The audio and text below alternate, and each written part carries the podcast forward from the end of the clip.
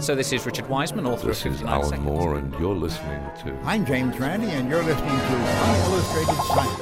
Så du, du leker jo Nei, du leker ikke Gud. Kan eh, kurere kreft om fem For meg så er vel det her like nyttig som homøopati. Dødsannonsen. Forskningsnytt. Altså, jeg kan ikke lage en hårete planet. Nei, nei. Uillustrert vitenskap.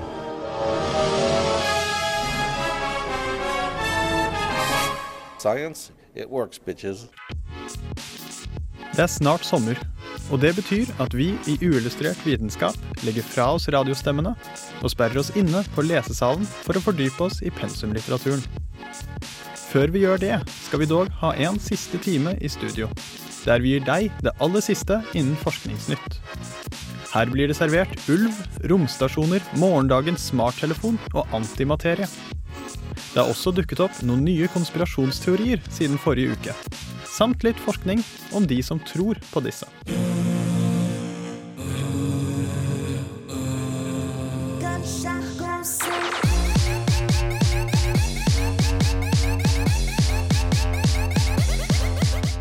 Det var Impler av Slakt of Bronx her på Radio Revolt. Du lytter til Uillustrert vitenskap. Mitt navn er Ole Eivind Sigrud. Med meg i dag har jeg Jeanette Bø Hallo, hallo. og Turi Haugland. Hei. Fullt hus i dag til vår eh, siste sending dette semesteret. Eh, det har skjedd fryktelig mye spennende forskning eh, siste uken. Ja, Det Eh, er så vi helt har- utrolig. Ja, så vi eh, har fryktelig mye å snakke om. Eh, først opp så er det jo disse folkene i Sveits, på Cern. De har nå eh, produsert antimaterie. Det har de gjort før. Ja, eh, men de har gjort ganske store fremskritt siden eh, sist jeg var på CERN. yeah. Eh, de, vi spekulerte jo litt i eh, forrige gang de hadde gjort et fremskritt, de hadde greid å lagre antimaterie i 172 mikrosekunder. Eh, at det vil være for kort tid til å få frakta det til Vatikanet. Men det vil jo nå vise at vi kanskje kan ha tatt litt feil. Hvis du bruker nesten 17 minutter fra Sveits til Vatikanet, så kan du være heldig. Dette er fryktelig spennende. Eh, kjempestort fremskritt. Eh, hva det går ut på, får du høre etter Dans med Dunderbeist.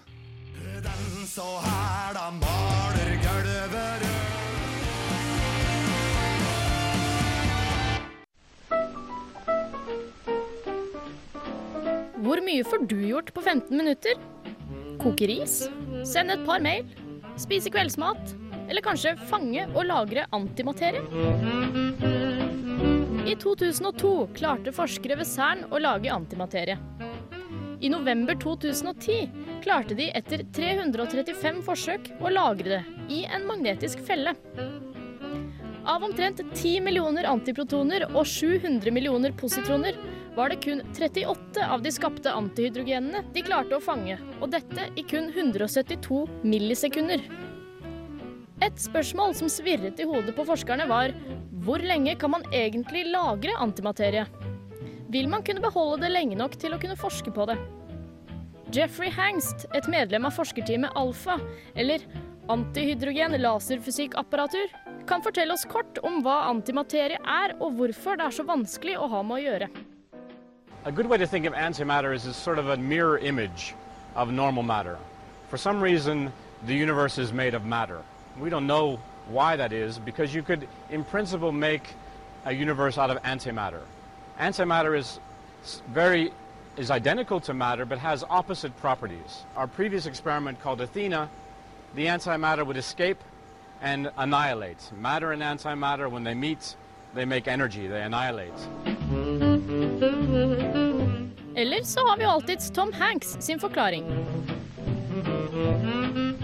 So where is this antimatter now? And they said, well, um, you know, we get two weeks off at Christmas. I swear, this is absolute truth. They said we would need we would need staff to give up their holiday to come back and maintain the, the uh, uh, uh, you know knobs and dials. And so we just turned the machine off, and the antimatter went away.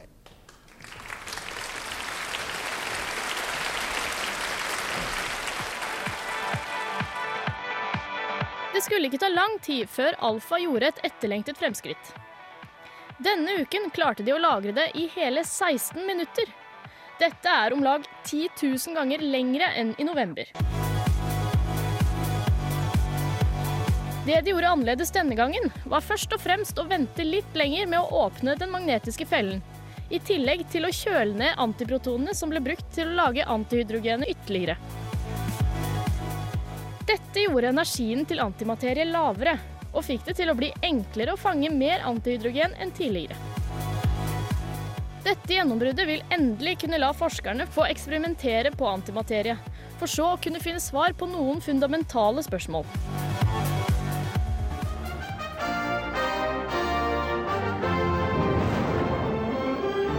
Eksempel så aner man ennå ikke hvordan tyngdekraften virker på antimaterie. Vil det falle ned mot bakken? Eller vil det kanskje falle oppover? Har antihydrogen det samme energinivået som hydrogen? Dersom spekteret av antihydrogen ikke samsvarer med spekteret av vanlig hydrogen, vil dette bety trøbbel for standardmodellen i partikkelfysikk. Men eventuelle avvik vil kunne kaste lys over det langvarige mysteriet om hvorfor i all verden universet er dominert av materie, når Big Bang skulle ha laget akkurat like mye antimaterie som materie.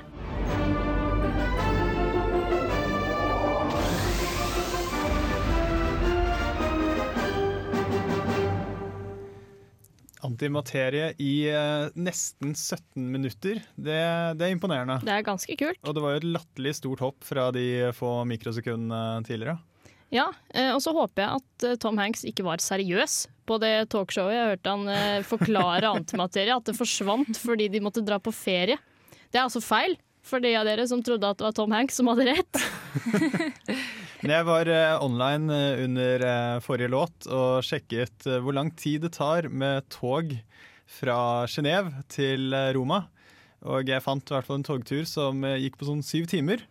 Så gang det der med en god del, og så kan vi snart ta med masse antimaterie til Vatikanet. Kan man, man kan jo kanskje prøve å lage antimaterie i, i fly. I flyet. Eh, Rett før man lander, så skal man løpe til paven og kaste det i hodet hans. Men er det ikke en uh, veldig svær maskin de bruker for å lage det? Er det bare sånn liten Jo, jo de, de må gjøre noen framskritt. Uh, hvor Partikkelakselerator, eh, praktisk. Ja.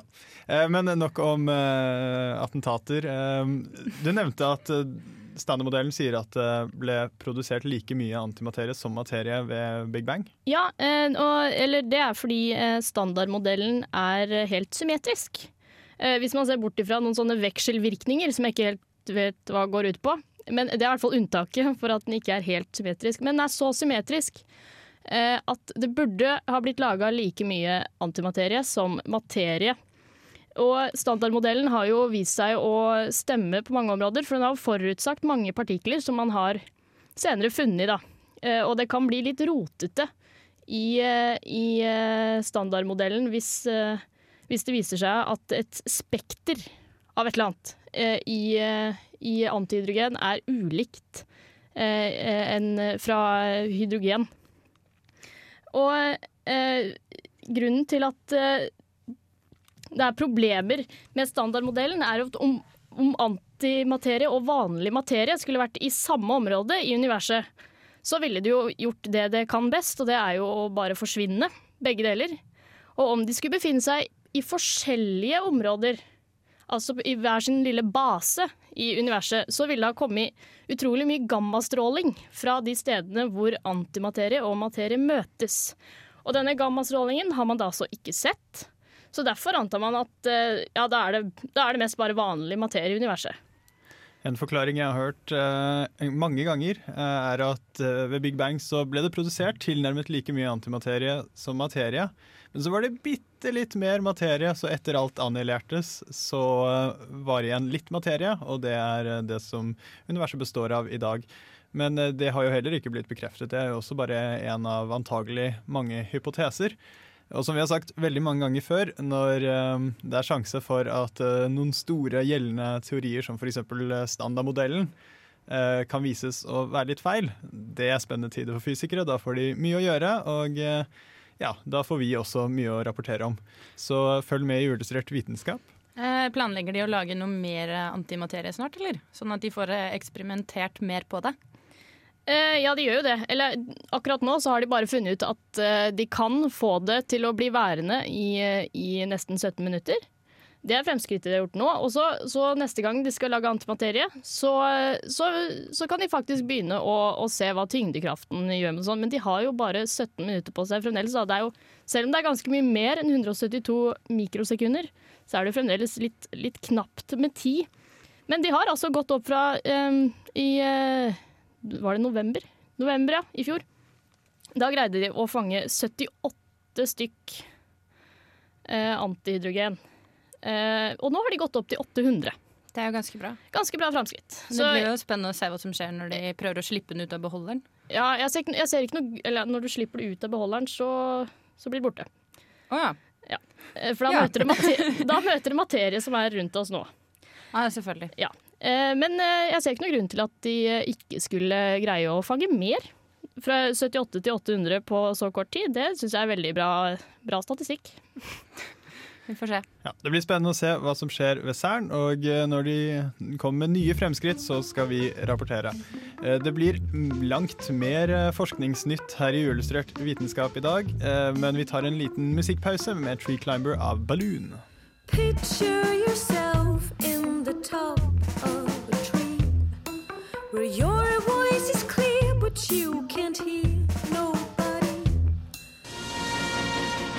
Uillustrert vitenskap presenterer Forskningsnytt.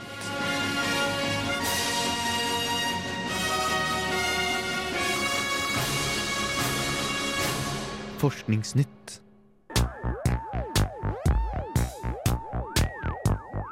Verdens første interaktive papirdata hinter til en fleksibel framtid for smarttelefoner.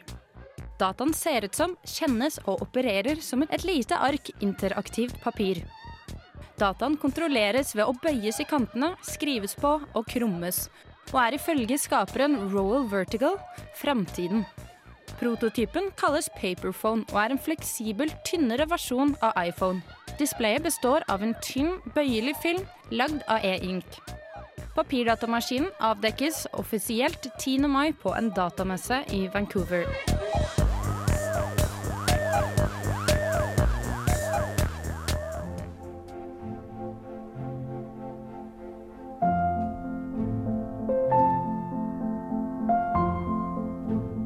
Resultatene fra det lengste prosjektet i NASAs historie kunne endelig annonseres 4. mai. Prosjektet startet i 1959 med målet å teste Einstein sin generelle relativitetsteori ved å måle forvrengninger i romtiden grunnet jordas gravitasjonelle felt. I 2004 ble romsonden Tyngdekraft Probe B skutt ut i rommet. Dataene var ferdig samlet året etter, men grunnet støy i dataen samlet inn, har forskere ikke kunnet konkludere noe for denne uken. I løpet av denne tiden er allerede den generelle relativitetsteorien at jorda drar rommets tid rundt seg når den roterer, bekreftet gjennom andre eksperimenter. Likevel argumenterer prosjektlederen Francis Everett at prosjektet ikke er bortkastet, da det har flere mer nøyaktige målinger.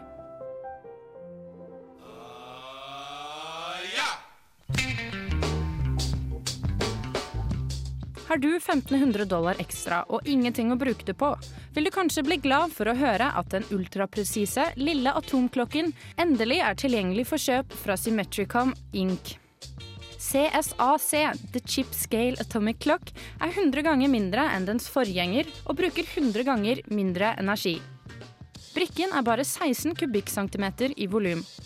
Klokken måler tiden i en milliontedel av et sekund ved å telle frekvensen til elektromagnetiske bølger fra cesiumatomer lagret i små konteinere på størrelsen av riskorn inne i chipen. En CSAC fortsetter å fungere når GPS-signalet blokkeres, noe som gjør den veldig nyttig som dykkerklokke. Ulystret vitenskap. Radio Revolt. This is Charles L. Bennett from Johns Hopkins University. Science, it works, bitches. Vi kan altså eh, kanskje snakke på papirtelefoner om eh, en del år. Ja. Papirtelefon, det høres rart ut. Eh, det høres rart ut, og det ser veldig rart ut òg. Eh, men nå har de jo bare lagd en eh, prototype, da. Eh, Men han eh, som har lagd den, mener jo at det her skal bli veldig sånn revolusjonerende i forhold til kontorer og papirbruk og printere. Det skal bli overflødig nå. Fordi da skal alt lagres digitalt på, på disse papirdataene. Og så kan du stable de, og så bruker de veldig litt energi. Men de har jo fullstendig glemt vind. Vind? Ja, Det kommer til å koste litt mer enn vanlig papir, og det vet vi blåser overalt når man åpner kontorvinduet. Det blir et helvete. Kanskje det gjør det. Det, det er et godt poeng. Ikke legg fra deg telefonen, da blåser den vekk. Ja. Er det det du prøver å si? Eh, jeg har også stusset litt over Altså, det er en veldig kul teknologi. Eh, og så har de disse skjermene som er bøyelige, og så får de forskjellig funksjon ut fra hvordan du bøyer den. Og du kan sitte og lese f.eks. en e-bok på dette arket. Og ved å på en måte bøye på hjørnet som om du skulle bla, så blar du side. Det er veldig fancy. Det ser veldig sci-fi ut. Men samtidig, hvorfor er det bedre å kunne bøye skjermen din for å bla, enn å bare trykke på en knapp for å bla? Det skjønner jeg ikke helt. Brukervennligheten synes jeg egentlig går ned for alle disse fancy eh, mouse gesturene og sånne ting som ikke har så mye funksjon, men som mer er fancy. Ja, Han sa jo selv at uh, den skulle være mer mobil enn en mobil, da, på en måte, fordi nå kan du putte den i lommen din, og så blir det ikke en klump i lommen din, den føyer seg etter lommen din. At det skulle være en bra ting. Ja, akkurat det poenget er jo uh, helt sikkert. At den er jo mye lettere, og den bøyes og Den Det- er lettere å ta med seg. Det er jo genialt for jenter, fordi jenter kan aldri ha mobilen i lomma. Noe jeg alltid har misunt gutter for, fordi vi har sånne stramme, lekre bukser. Og vil ikke ha en sånn klump på lomma. Det er ikke noe fint. Og nå kan jeg Det er, dritlurt. Nå har jeg ombestemt meg. Nå er det kult. Ja. Men eh, noe som er også gøy på den konferansen, da, 10. mai, når han skal lansere den eh, prototypen, eh, så skal de også eh, lansere en sånn dataarmbånd. Så, som du kan ha på vristen din, liksom. Sånn wristband. Vristen? Ja. Det, Håndleddet. Håndleddet, mener jeg. det er jo som på alle sånn 80-talls eh, sci-fi-filmer. Da hadde de håndleddsdatamaskiner. Mm, Det, det er kult. det er ikke dumt, det der. Men eh, så var det dette NASA-eksperimentet. eh, Det eksperimentet de har hatt lengst gående, som endelig har fått noen resultater. Eh, Hva er det det der går ute på? Ja, de har jo da eh, prøvd å bevise Einstein sin generelle relativitetsteori, som egentlig alltid har vært ganske allmenn eh, akseptert. da. Eh, men de ville bevise den, og det skal vi jo kunne stå bak. Eh, problemet er at det tok så lang tid. Hvorfor gjorde det det? Jeg tror ikke de fikk til å eh, bygge den. eh, Og eksperimentet holdt også på å bli avlyst. Jeg tror kanskje ikke NASA hadde så lyst til å spytte inn så mye penger, så det har nok også forsinket det. Og i tillegg, da, når de endelig hadde fått disse dataene i 2005, så var det masse skurr i dataene. Så de måtte bruke ja, de, hvor mye blir det? seks neste årene på å få vekk skurret for å liksom se hva slags data er det vi faktisk har, og hva er det det egentlig beviser. da.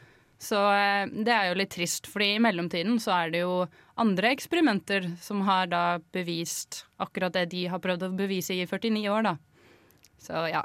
Ja, en eh, klapp på skulderen for Gravity Pro B for å ha krysset mållinjen, i hvert fall. ja. Jeg tror de er veldig fornøyde at de i hvert fall har noen resultater å presentere, og at det endelig er over, egentlig. Og gode resultater hadde jo også denne mm, atomklokken, Ja, den er jo veldig kul. som er bitte liten. Ja, bitte liten. Eh, og eh, hva er det egentlig godt for, annet enn å holde tiden veldig nøyaktig? Altså, Hvem er det som kommer til å bruke dette? Nei, altså det sto på hjemmesiden at uh, det kunne være bra hvis du øns hadde ønsket synkront nettverk i kontorer for å holde loggføring, nettverksloggføring. At det var viktigere at det ble mer og mer synkront, da, uten at jeg vet viktigheten av akkurat det.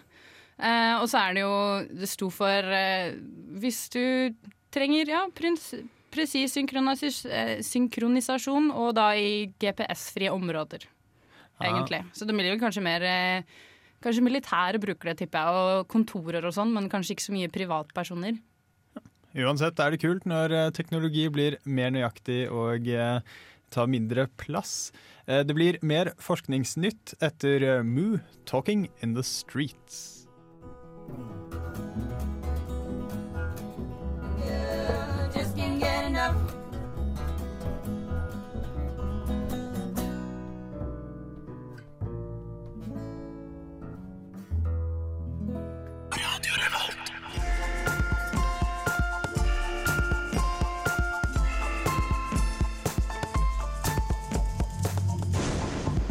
Tre år etter opprettelsen av Nasjonalt utvalg for granskning av redelighet i forskning, konkluderer utvalget at det forekommer lite grov juks. Denne uken holder de et seminar om forskningsetikk, der professor Ragnvald Kalleberg, selv medlem av granskningsutvalget, advarte mot å tro at forskningsjuks var svært utbredt. Til fagbladet Forskerforum forteller han at en rekke undersøkelser tyder på at kun en halv til 1% av artikler som publiseres, er preget av vitenskapelig uredelighet. Totalt i Norge har det blitt konstatert vitenskapelig uredelighet i fem tilfeller de siste tre årene. Dagens screeningmetoder for hjerteinfarkt og slag involverer måling av blodtrykk og kolesterolnivå, og er derfor både dyrt og tidkrevende. Nå melder forskere at en kan screene langt flere langt billigere ved å bruke alder som eneste kriterium, uten at screeningen blir mindre effektiv. Aldersscreening alene viser seg å ha en deteksjonsrate på 84% og en falsk positiv rate på 24% Til sammenligning har dagens screening også en 84% deteksjonsrate, og kun en smule lavere falsk positiv rate på 21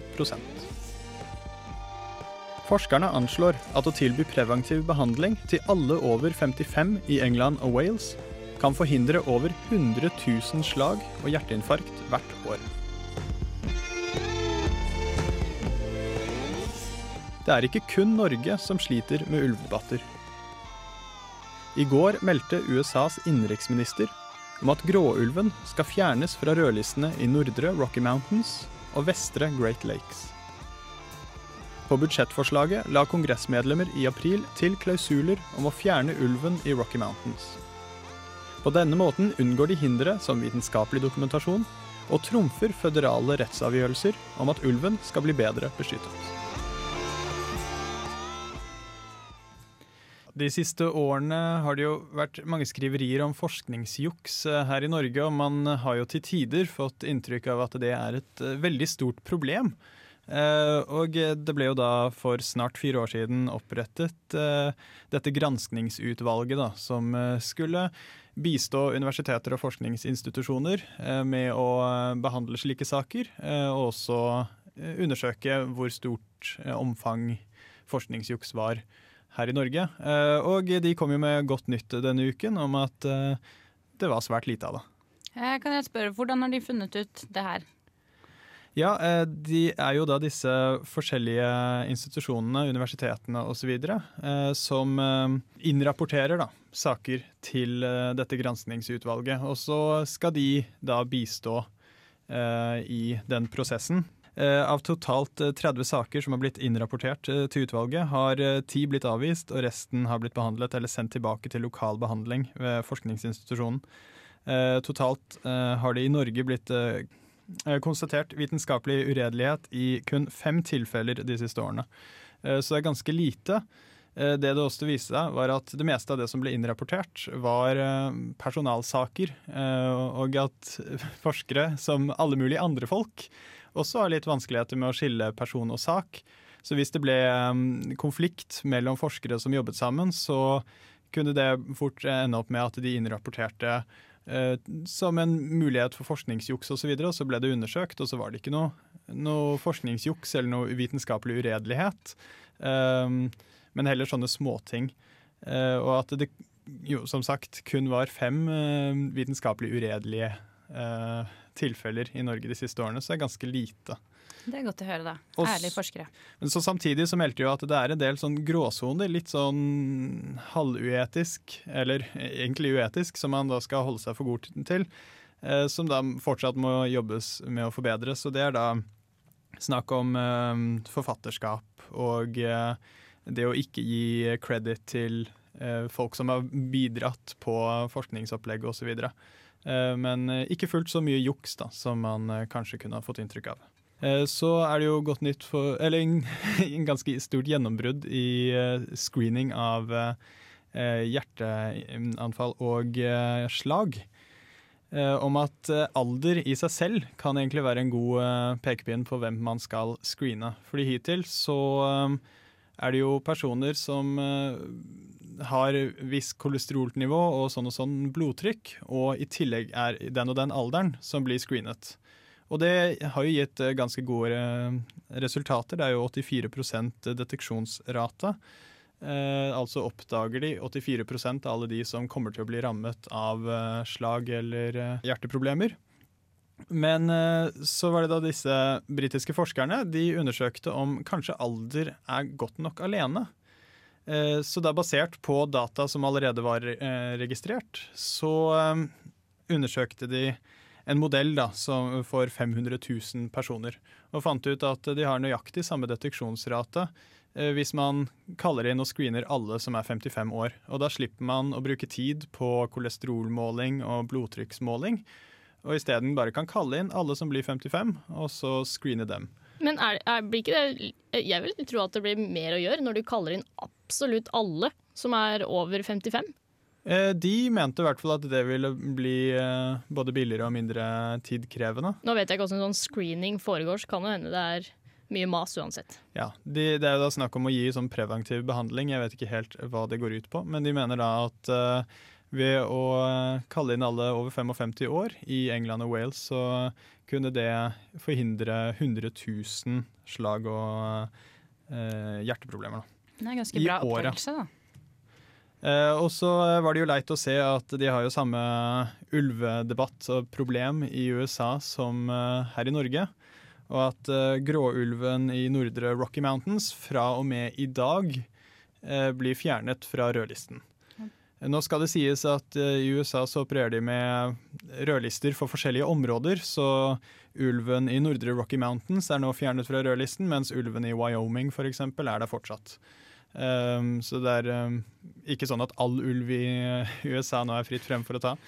Uh, men det er fortsatt alvorlig, og um, så igjen så ser man at politikere uh, snakker om at det er viktig med biomangfold og uh, å ta vare på forskjellige arter, men med en gang det på en måte blir et stort nok problem, så bryr de seg plutselig ikke helt om hva vitenskapsfolkene sier, fordi alle eh, både dyrevernorganisasjonene, selvsagt, men også eh, biomangfoldorganisasjoner og andre biologer sier jo at eh, det er ikke grunnlag til å fjerne dem fra rødlisten ennå. Men du snakka om noen klausuler. Hvilke, Åssen klausuler er det her? Ja, nei, I eh, USA så har de en eh, sånn praksis som da de legger på en såkalt rider på et lovforslag som er veldig, veldig populært. Um, og da, eller de kan legge det på hvilket som helst lovforslag. Eh, og da hvis det lovforslaget blir eh, stemt gjennom, blir godtatt, så følger den rideren med. Ja, så Eh, hvis, de, hvis de har et lovforslag om gratis is til alle etter klokka fem, og så står det i parentes nederst, og så utrydder vi ulven etterpå. Ja, det er egentlig ikke så veldig langt fra sannheten. Det er en, en ganske vanlig måte å få godtatt veldig upopulære lovforslag som ellers ikke ville blitt eh, godtatt. Um, Det er ganske lurt, egentlig. Jeg tror, jeg Det er tror veldig kanskje lurt. han hadde gått for det samme. veldig surt når det går utover ulven, og at dette da overstyrer andre eh, ja, federale rettsavgjørelser osv. Men Så- hvorfor, eh, hvorfor var ulven akkurat i nordre Rocky Mountains? Hvorfor skulle den bli fjernet fra rødlisten? Nei, eh, han innenriksministeren argumenterte jo for at eh, den populasjonen hadde jo kommet tilbake, og at den nå var sunn og frisk. Så da kan vi Eh, utrydde den igjen. Mens forskerne, eller da skulle de fjerne den fra rødlisten, han, fordi nå klarer den på en måte seg selv. Mm. Eh, mens forskerne sa jo at eh, den var ennå ikke helt frisk. Og så er det påfallende at i de aller fleste statene der ulv har blitt fjernet fra rødlisten, så har de politikerne i den staten da gått og ventet på å få den fjernet fra rødlisten, sånn at de kunne gjenoppta ulvejakt og redusere populasjonen til under halvparten av det det var da den ble fjernet fra rødlisten. Så de skal begynne med ulvejakt. Jeg vet ikke om det er tilfellet i nordre Rocky Mountains, men det har vært tilfellet i de fleste andre områder der den har blitt fjernet fra rødlisten. Så her er det politisk press for å fjerne den fra rødlisten, og det er ikke da vitenskapsbasert. Om man skal tillate, eh, ulvejakt, så vil jeg foreslå at det, det må foregå på samme måte som det gjør i filmen 300. Det er med bare never, og det er syvåringer som foretar uh, jakta. Det hadde vært saker. Ja, jeg syns vi skal lage en rider og få en eller annen eh, amerikansk politiker til å slenge på den på eh, en veldig populær eh, bill. Isforslaget mitt der. Nettopp. Det blir litt snakk om konspirasjonsteorier i denne sendingen også, etter vi har hørt 'Stronger' av Relic. I push rhymes and work out delivery times. My literary gift literally wait that I live. Cause I'm on some paradigm shift. My mind ripped with scars. My heart along with it raising the bar to take occasional pause. De siste dagene har det jo vært fryktelig mange konspirasjonsteorier ute på nettet i forbindelse med Osama bin Ladens eh, død. Ble han skutt, virkelig? Eller ble han skutt for ti år siden? Det er det store spørsmålet. Ja, ikke sant. Um, det er ganske håpløst, men eh, denne uken så var det også noen britiske psykologer som eh, hadde sett nærmere på hvorfor konspirasjonsteoretikere godtar konspirasjonsteorier. Og eh, da kom de på tanken om at det er, et, eh, det er en psykologisk prosess som kalles eh, projisering, eller projection, som da går ut på at hvis jeg kunne funnet på å gjort det, så konkluderer jeg med at da har du gjort det. Um, fordi man overfører på en måte sine egne tanker over på andres personer, og sine egne holdninger over på andres personer. Eh, så de undersøkte da med en haug med studenter, selvfølgelig, det er alltid studenter som blir forsket på. De ble presentert 17 forskjellige konspirasjonsteorier, som f.eks. drapet på eh, eh, prinsesse Diana, og f.eks. orkestreringen av 9-11-angrepet. Og så ble de undersøkt om Hvis de var i en posisjon der det ville vært aktuelt å gjøre dette, f.eks. drepe Diana eller, eller eh, orkestrere 9-11-angrepene, ville du vurdert å gjøre det, eller ville du gått med på det? Ville du gjort det selv? Uh, og det det viste seg, var at de personene som sa ja, jeg ville vært med på det, eller i hvert fall var villige til å vurdere å bli med, de hadde større sannsynlighet for å da selv tro på disse konspirasjonsteoriene. Men hvilke drittstudenter er det de har forska på? Ville du drept Diana? Ja. ja. Kunne tenkt meg ja, møkkakjerring. Ikke sant? Eh, Jeg, jeg tenkte, tenkte akkurat samme tanke. Hvem i all verden er det som synes det er noe de selv kan gå med på? Igjen så fant de ut at de som var veldig Machiavellian, som de kalte det, altså villige til å utnytte andre for egen fortjeneste, de var da igjen mer villige til å konspirere selv, og dermed eh, større sannsynlighet for at de trodde på disse konspirasjonsteoriene. Det var en veldig artig studie, syns jeg. Morsom effekt. Men det er viktig å påpeke at de sier jo på ingen måte at alle de som tror på konspirasjonsteorier, er selv villige til å konspirere.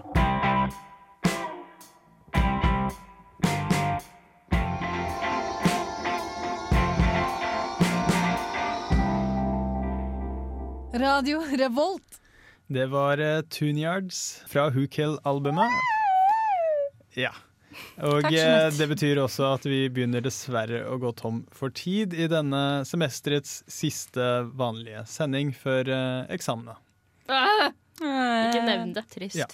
Det har vært eh, veldig hyggelig å lage radio med dere dette semesteret også. Ja, like måte. Og eh. Uillustrert vitenskap er jo tilbake neste semester etter sommeren. Og så kan jeg jo si at eh, det antagelig blir en del eh, eh, sommerepisoder av Uillustrert vitenskap eh, etter eksamen er over. Altså juni, juli, august. Ja. Så kanskje sjekke radiorevolt.no. Tilfelle plutselig skjer det noe. Ja. Følg med på radiorevolt.no eh, hvis eh, du fortsatt savner eh, Uillustrert vitenskap nå i eksamensperioden, så sjekk ut vår podkast. Da er det egentlig bare å ønske dere alle god sommer. Eh, Mitt navn har vært Oleivind Sigrud. Med meg har jeg Jeanette Bø, Turi Haugland og vår tekniker Bendik Bolme. Takk for oss. Ha det. Ha det.